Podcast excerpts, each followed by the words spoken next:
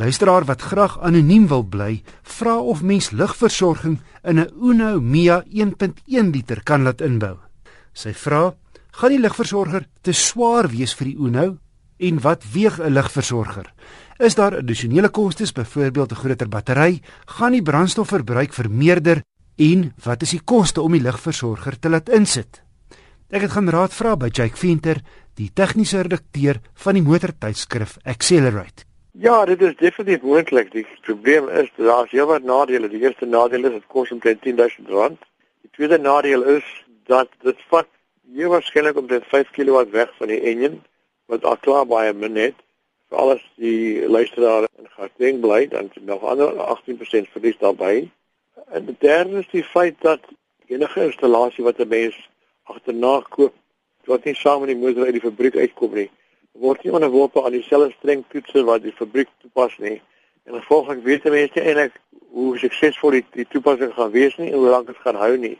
Ek stel voor as die luisteraar nou werklik belangstel, dan moet sy soveel maatskappye as moontlik uh, in die hande kry wat bereid is om te doen en dan by hulle vra vir getuieskrifte van mense wat wat wel die installasie laat doen het want ek self sal lank tyd vat aan so 'n installasie.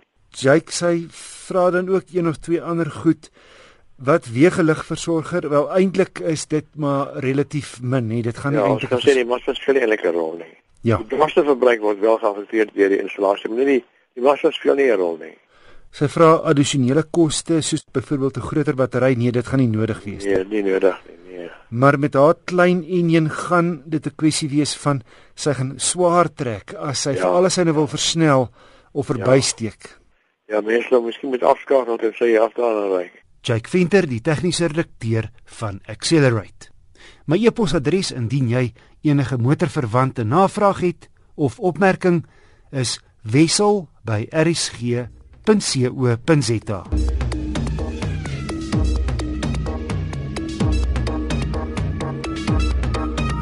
Citroen se baie aantreklike DS3. Hy ding mee met die Mini, Kewer en Audi A1 is nou beskikbaar in cabrio gedaante. Wel nie heeltemal nie, want hierdie is nie 'n afslankap in die ware sin van die woord nie. Ek het die duurste van 3 cabrio modelle getoets, die TAP 155 Sport. Hierdie is 'n interessante kerel. Dis nie 'n volbloed afslankap nie. Laasgenoemde is 'n dieder konsep. Hy weeg swaarder as 'n gewone coupe en is struktureel minder rigied sonder die agterste dakpilare. Nou in die DS3 Cabrio se geval is die dak heel bo van seil. En die rol met die druk van 'n knop agtertoe oop, so ver as wat jy hom wil hê. Op sy maksimum vou die seildakkie saam met die heel agterste venster af, soos 'n saamgeperste konsertina amper. En gaan lê netjies op die bagasiebak. Die triek kan jy tot 120 km/h uitvoer. So vinnige donderstorm gaan jou nie om kan vang nie. In effek is hierdie 'n luikerig met 'n reuse sondak wat 'n heerlike wind in die hare ervaring gee. Die afgeslaane dak en venster het egter 'n impak op die pakplek. Die inlaai opening is klein, 'n dun spaarwieltjie heel onder wat net nie deur hierdie opening sal pas. En die DS3 is slegs 'n 3-deur met beperkte beenruimte. Dis nou agter voorlangs is hy lekker ruim vir 2.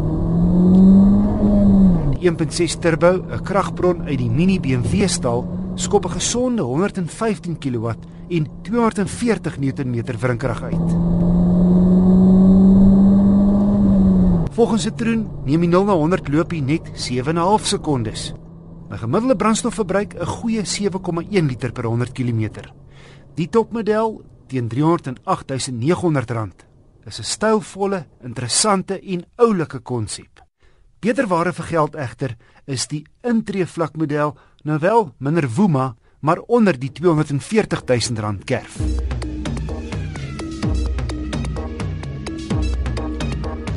Hier is my wenk van die week met gister se baie reën hier in Gauteng. Het dit my net weer opgeval dat sekere motoriste sonder hulle hoofligte in die reën ry. En 'n hele spul van die in swart en grys karre wat dikwels moeilik is om raak te sien. Onthou, jou hoofligte is nie net daar sodat jy in die nag kan sien nie. Dit dien ook om jou sigbaar te maak vir ander padgebruikers. het sy motoriste, voetgangers of fietsryers.